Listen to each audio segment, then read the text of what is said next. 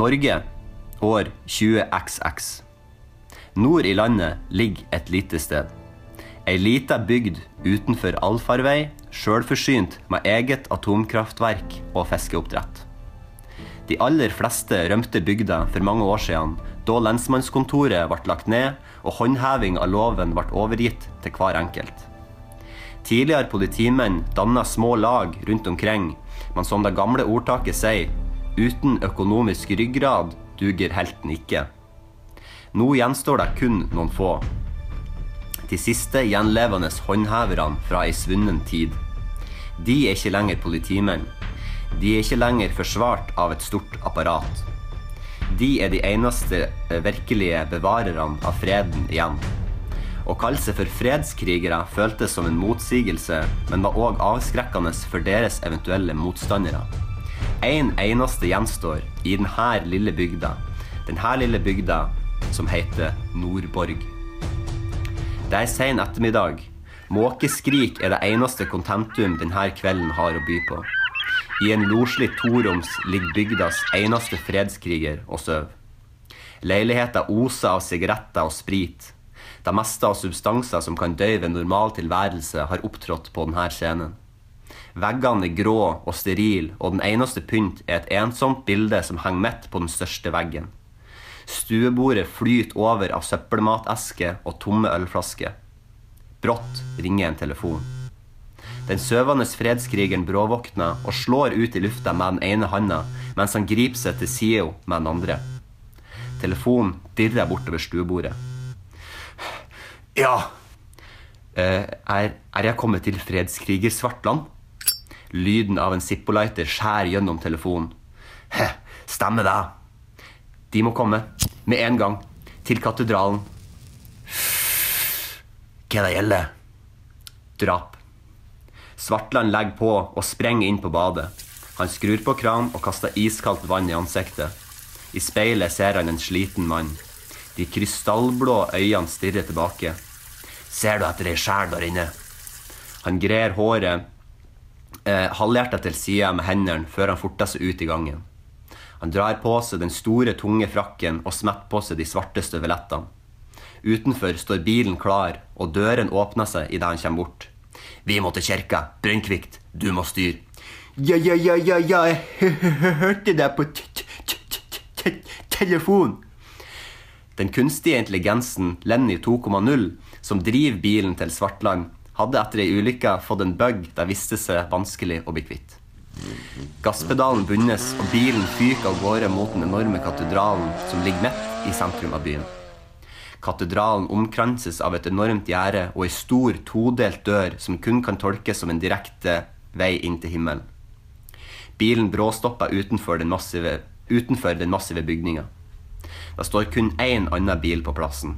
XV 81935. Biskopen en, nei, Erkebiskopen står allerede ute på trappa og jakter alt med haukeblikk. Biskopen er en stor brande på 1,97 og nesten like brei over skuldrene.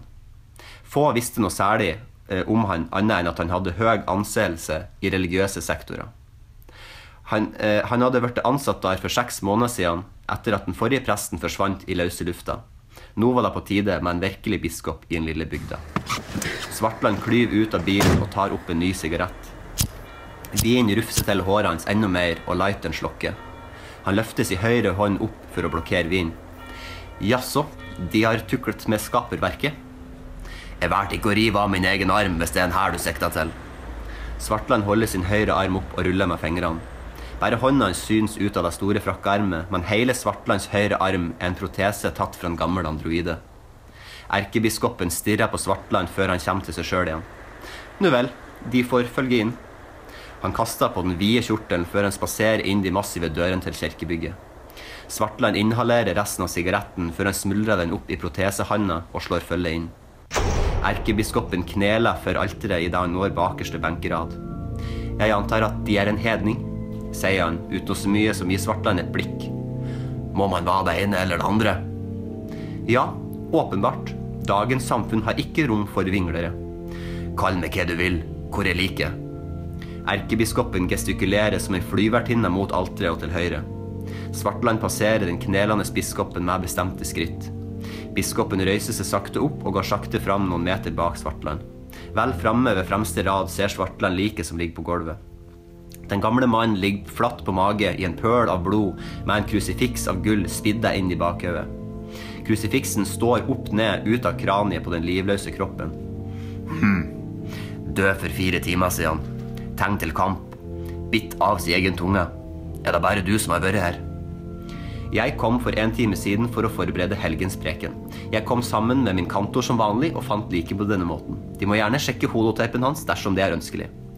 Erkebiskopen løfter armen sakte opp og peker mot orgelet. Svartland røyser, røyser seg og møter blikket til en iskald, hypermoderne androide. Dog, han har egen frivillige, så de får spørre om det er greit. Hm. VBY-utgaven. Skal si det dere tjener godt på kollekten om dagen. Biskopen letta ikke på smilebåndet engang. Nå kan de se til å få dette like fjernet, så vi kan fortsette vår vante gang. Er det ikke viktigere å finne morderen? Min prioritet er menigheten, og menigheten trenger sin frelse. Hver eneste søndag. Da kan de ikke ha en død mann her, og attpåtil med en opp-ned-krusifiks i hodet. Svartland ser ned på liket igjen og ser at blodet ved høyre arm er smurt utover. Armen ligger mot salmetavla. Salmenummer 278 henger opp. Jobba han her? Han heter Arthur. Han var en av flere assistenter vi har som bor på eldrehjemmet vi eier. De kommer hit for å rette opp i sine tidligere synder.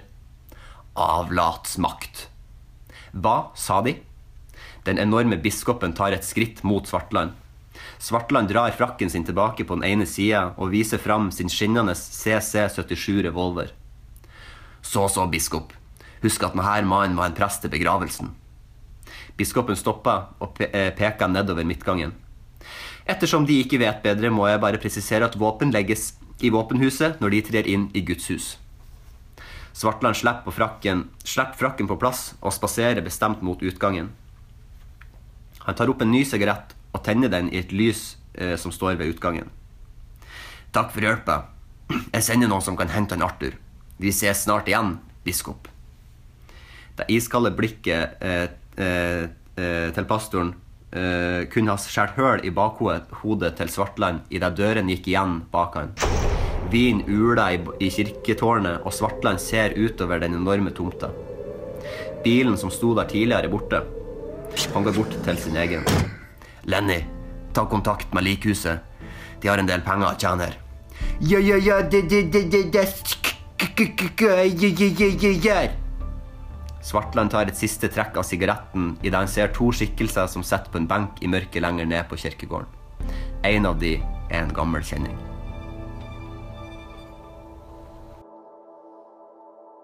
Den ene skikkelsen på benken venker ivrig til Svartland og gestikulerer for å få han over. Vin river i frakken hans idet han smeller igjen bildøra på Lenny.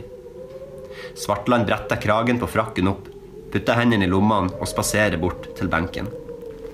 På benken sitter en av bygdas originaler, nemlig munnpusteren Vidar. Vidar ble født med diverse skavanker, alt fra overproduksjon av spytt permanent glis og morkende ledd. Vidar var en godt likt figur i Nordborg, og hans sjarmerende utseende og attityd var umulig å motstå.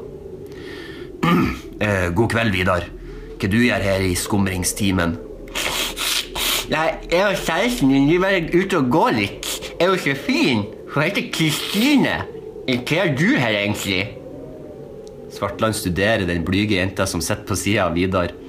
Hun ser ned i bakken og har så vidt kasta et blikk i fredskrigerens retning. Under jakken som henger over skulderen hennes, folder hun hendene over en vannmelon av en mage. Jaså, Vidar. Du skal bli far? Ja, lensmann. Jeg er skikkelig stolt. Bare noen få måneder igjen. Du vet at det ikke er lensmann lenger, Vidar. Har dere sett noen mistenkelige rundt her i det siste? Nei, vi kom nettopp, vi. Hva som har skjedd, egentlig? Arthur som jobber her, er død. Han ble drept. Vidar ser apatisk på Svartland før han snur seg mot Kristin. Kjente du han? Kristin stirrer ned i bakken.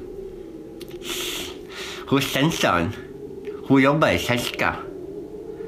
Åh, øh, beklager. Hadde jeg visst det, så skulle jeg ikke vært så brå. Vet du om han hadde noen fiender? Noe som kunne tjene på hans dødsfall. En ensom tåre renner nedover kjeken til Kristin. Eh, jeg tror kanskje du trenger litt tid, lens... Eh, fredskriger. Jeg skjønner.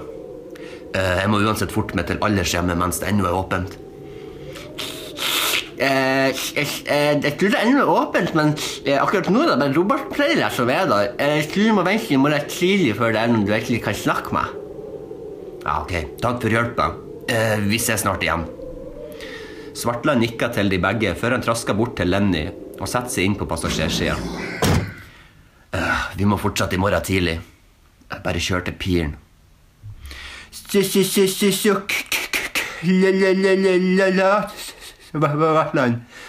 Grusen spruter bak bilen idet Lenny satte av gårde. I speilet ser Svartland Vidar legge armene trøstende rundt Kristin.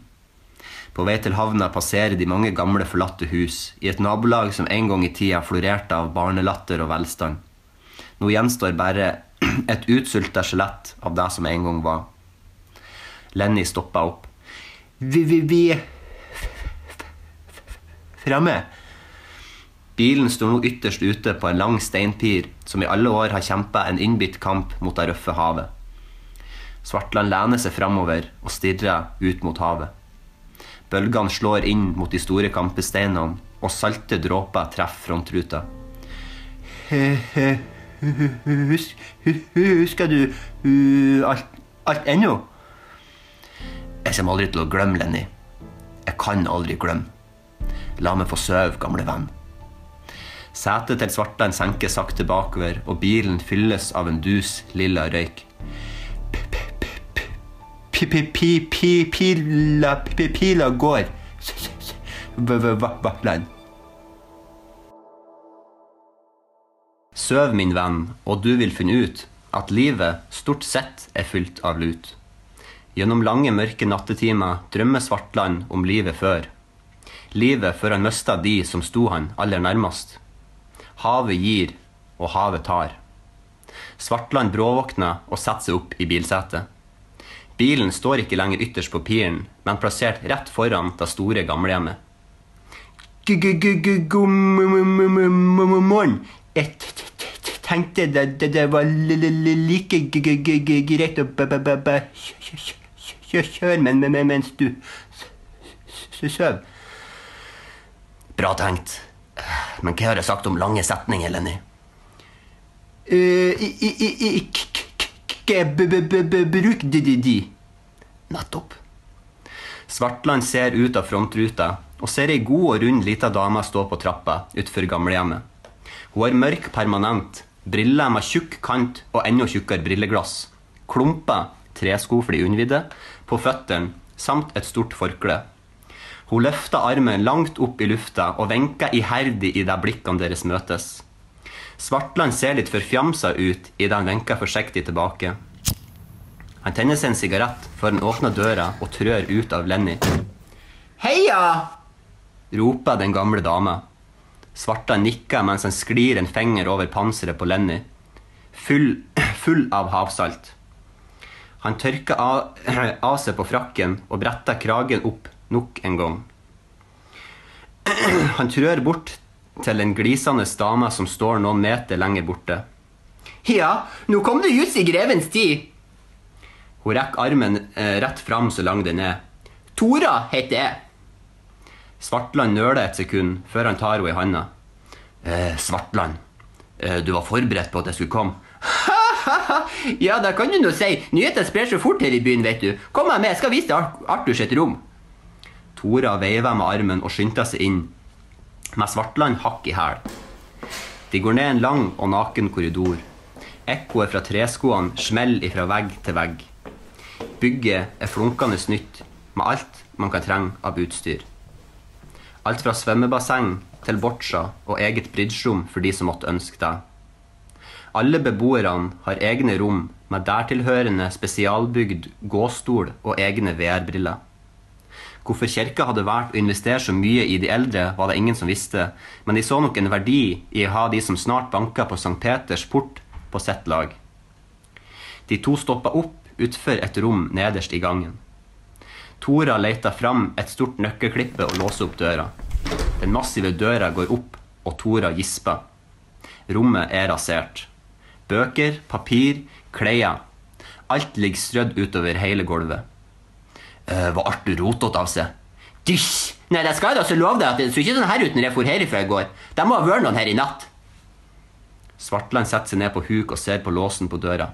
Hm, stålstøv. Noen har dirka opp låsen, og det er på en slurvete måte. Han studerer rommet nøye. De har leita etter noe. Men hva? Svartland trør inn. På veggen over senga henger det et stort trekors. På høyre arm av korset henger det et grått navnemerke fra Forsvaret. Hadde han noe familie? Svartland ser seg over skuldra, men Tora står ikke der lenger. Hm. Kom igjen, Arthur, hjelp meg litt her. Han går bort til senga og setter seg ned.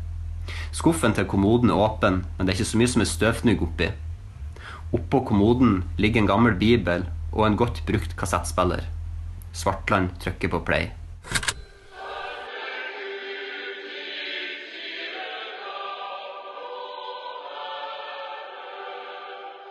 Hans kunnskap om salmer var ikke all verden, men han synes likevel det var noe kjent med den her.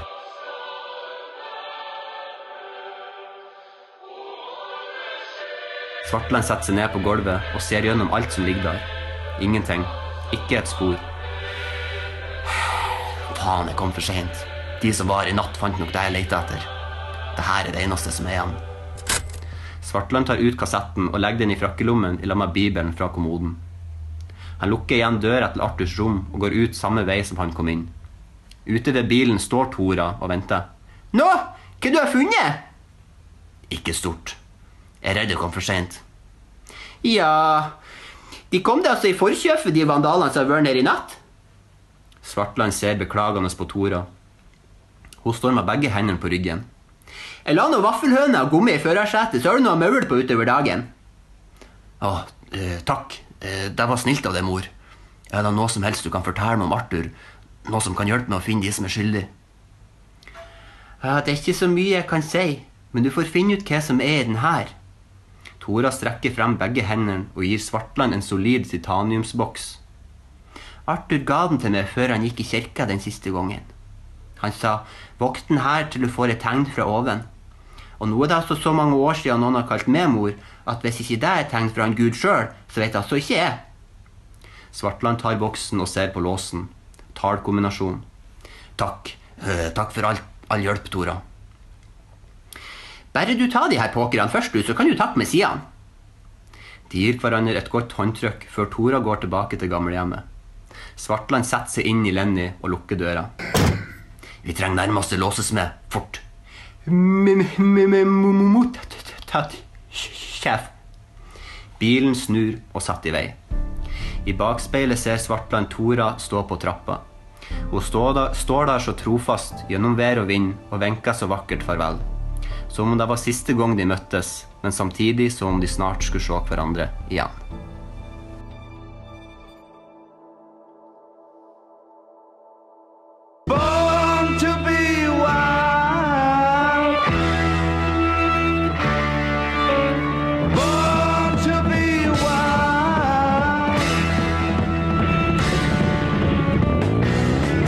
De gummidekkene på Lenny hyler av gårde på den vide motorveien. Svartland sitter i førersetet med titaniumsboksen i fanget. Han studerer den nøye. Hmm. patentert cyanidoppløsning. Uansett om vi skulle greie å sprenge den opp, vil innholdet destrueres umiddelbart.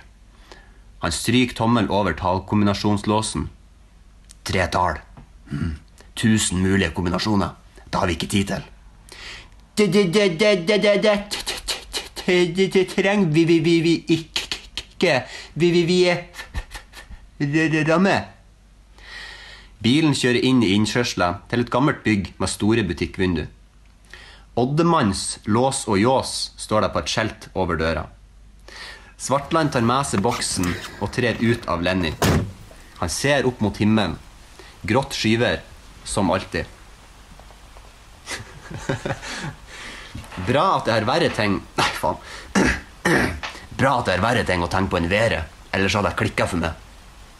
Akkurat idet Svartland tar opp lighteren og sigaretthylsteret, ser han en bil stå parkert rett rundt hjørnet på butikken.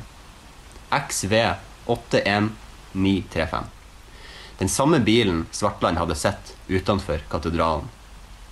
Han legger øyeblikkelig røykeredskapene tilbake i lommen og tar sin trofaste revolver ut av hylsteret. Han tar et godt grep rundt boksen i venstrehanda og revolveren i høyre, skjult av den store frakken. Han dytta opp døra forsiktig opp. Han opp døra forsiktig. Det plinga i ei bjelle. Butikken er dekorert med all slags mulige låser som henger overalt på vegger og tak. Mot den bakerste veggen står det en glassdisk som er fylt med de aller deiligste hengelåser. Bak disken sitter en lutrygga mann og stirrer ned i gulvet. Den stakkarslige mannen har måne med tjafsete, tynn hårkrans rundt. En stor ølmage og enda større potetnase. På høyre brystlomme av de blå overalsene henger et navneskilt. Oddemann står det på skiltet. Svartland kremta. Den triste mannen ansa ingenting. Han lea ikke på en muskel. Svartland går helt bort til disken og legger boksen kontant ned. Jeg trenger hjelp med denne låsen.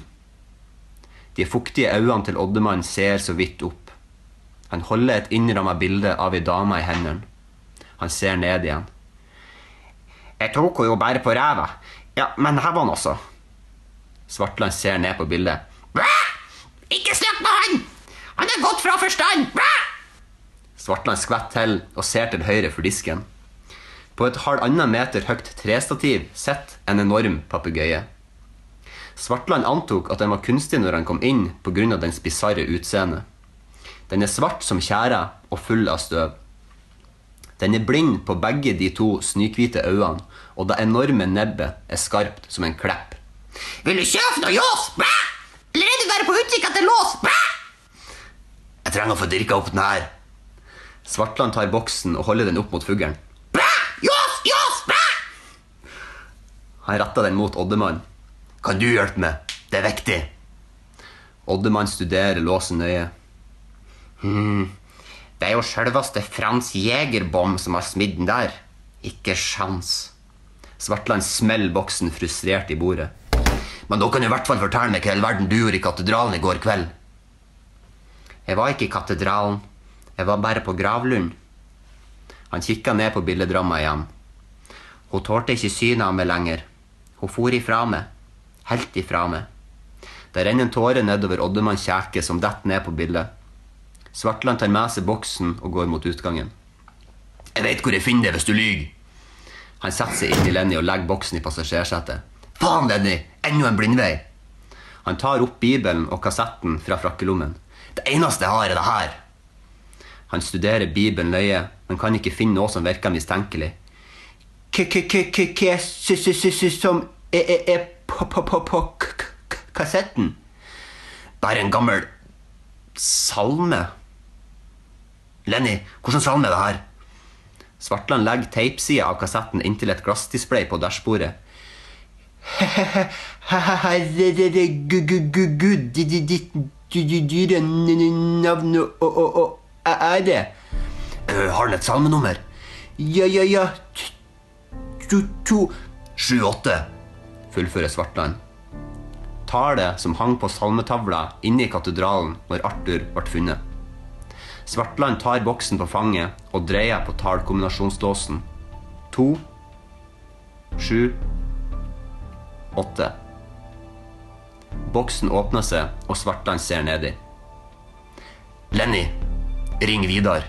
Nå, med en eneste gang. Svartland sitter lamslått i førersetet og ser ned i den åpne boksen. Summetonen runger i bilen. Ett sum. To sum. Tre sum. Brått svares det. Eh, hallo? Vidar, hvor er du? Å, hei, Svartland. Eh, Hjemme? Eh, Kristin der? Eh, nei. Eh, hun har vært veldig lei seg etter at Arthur døde. Eh, hun er nok i kirka. Hva gjelder det? Eh, ok. Eh, eh, jeg skulle bare sjekke om dere hadde det bra.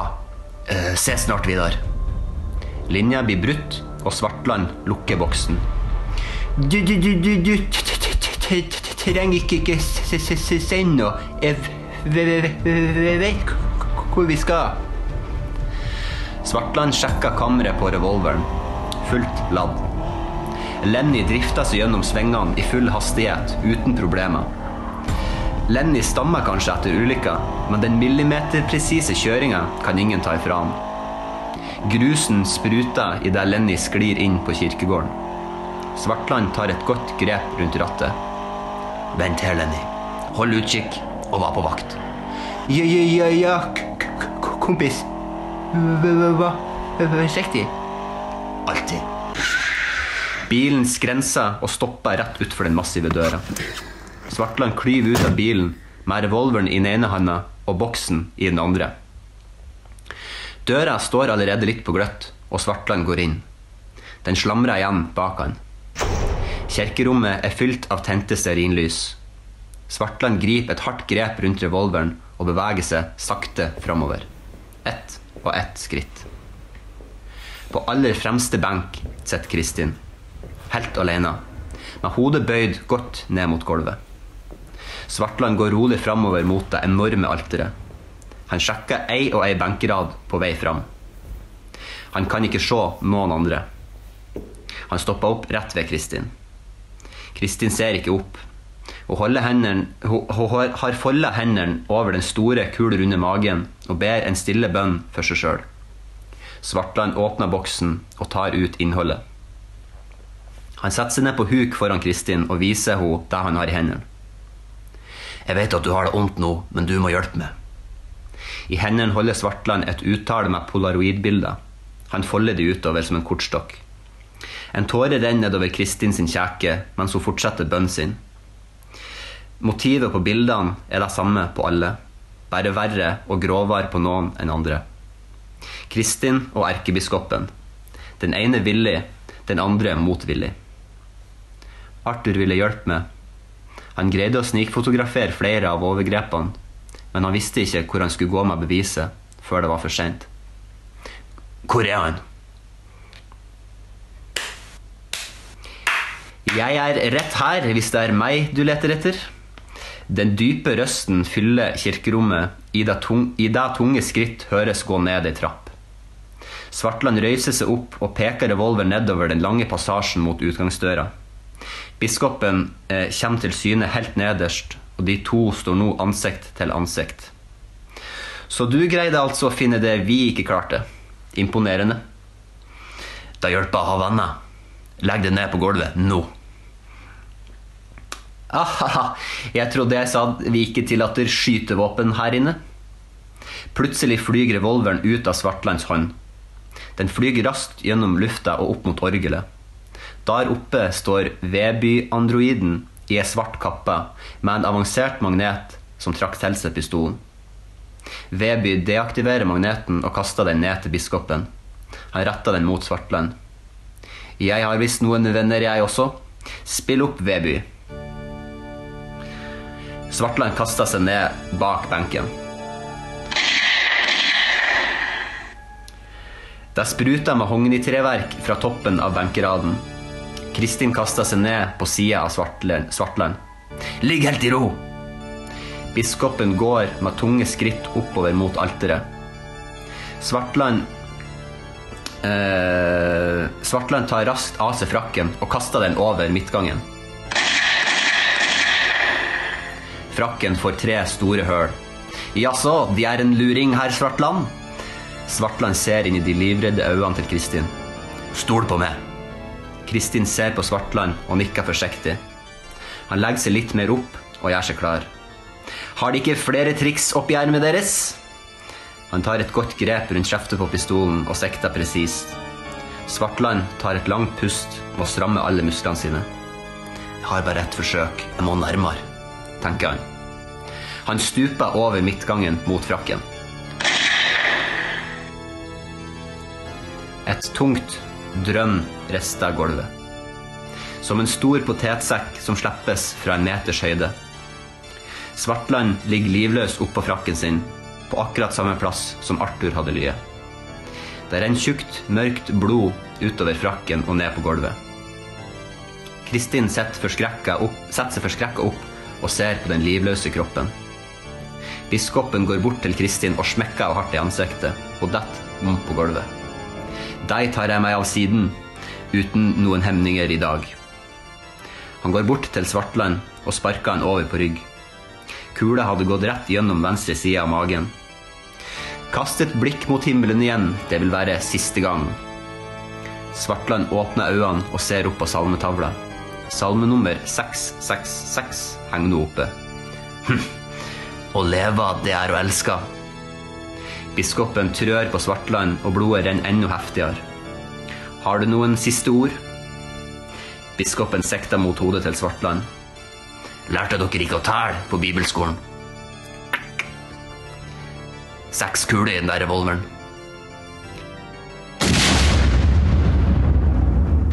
Brått høres et enormt smell, og hele bygget rister. Orgelmusikken stopper. Der det tidligere sto to enorme perleportdører, er det nå et bilforma høl, og snuten til Lenny stikker inn i kirkerommet. Biskopen ser lamslått, bort på bilen. Yes, bitch. Biskopen ser opp mot orgelet, men Veby er ikke der lenger. Du har ikke like gode venner som meg. Biskopen snur seg tilbake mot Svartland, som nå sitter litt opp og lener seg på sin venstre albue. Han holder den høyre androidarmen mot biskopen.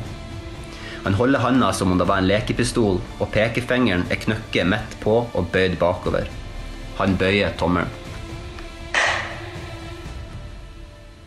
Biskopen detter rett bakover og lander på rygg, med et rundt, presist kulehull midt mellom øyebrynene. Stillheten senker seg over rommet. Svartland legger seg kontant ned igjen. Kristin, kom og hente det her. Lenny åpna døra på passasjersida. Kristin røyser seg fort opp og sprenger bort til Lenny. I det åpne hanskerommet ligger det en pose med grått pulver. Ha-ha-ha, det der på såret hans. Kristin sprenger bort til Svartland, river opp posen og køler pulveret på det åpne skuddsåret. Hun bruker all den krafta hun har, og snur Svartland rundt eh, og leger såret på ryggen på samme måte. Svartland ligger helt rolig på gulvet. Kristin sjekker pulsen. Takk. Takk sjøl. Svartland setter seg opp og holder seg til sida. Nå blir det litt av et opprydningsarbeid her. Han puster tungt før han reiser seg opp. Men først skal vi få det hjem. De går begge to med vaklete skritt bort til Lenny og setter seg inn. Takk til deg òg, Lenny. Null problem, partner. Lenny rygger ut av bygget og setter i vei mot huset til Vidar og Kristin. Svartland holder seg til såret, som nå er grodd takket være den hurtigtørk, det, det hurtigtørkende pulveret. Hvordan føler du det? Kristin ser ned på magen og legger hendene rundt den. Letta. Svartland ser på magen hennes. «Eh, Er det vid... Jeg veit ikke. Ja, det er det. Det må være det. Det kan ikke være noe annet. Ikke si noe til Vidar, vær så snill. Bilen kjører inn i innkjørsla deres. Vidar står og ser i vinduet. Greit. Det man ikke vet, har man ikke vondt av. Hva skal du si? Jeg vet ikke helt ennå. Jeg finner på noe. Han er ikke den skarpeste kniven i skuffa, men han har et hjerte av gull. Kristin gir Svartland en klem og går ut av bilen. Kuk-kuk-kuk. Hvor ga vi nå, sjef? Heim. Ring likhuset og få de til å ta sin tur innom katedralen. Bare forklar de alt. Vel hjemme kaster Svartland av seg frakken og sparker de tunge skoene av seg. Han går inn på badet, skrur på kaldt vann i dusjen. Han lener seg inntil veggen og lar det kalde vannet vaske bort alt av blod og støv. Etter den kalde dusjen kollapser Svartland på sofaen sin og søvner av umiddelbart. Uten noe bedøvelse denne kvelden. Kun med den visshet om å ha gjort noe rett. Med ei ren samvittighet som hjelper et bråkete hode å sove. Nok en gang ligger det en sliten fredskriger og sover i en loslitt toroms i den lille bygda Nordborg.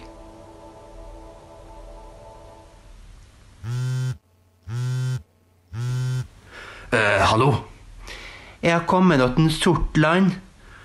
Eh, Svartland, hva gjelder det? Du må komme ned hit og hjelpe oss med en gang. Det du har stelt i stand har store ringvirkninger. Kom ned hvor? Hvor du tror da? Nidaros, vel?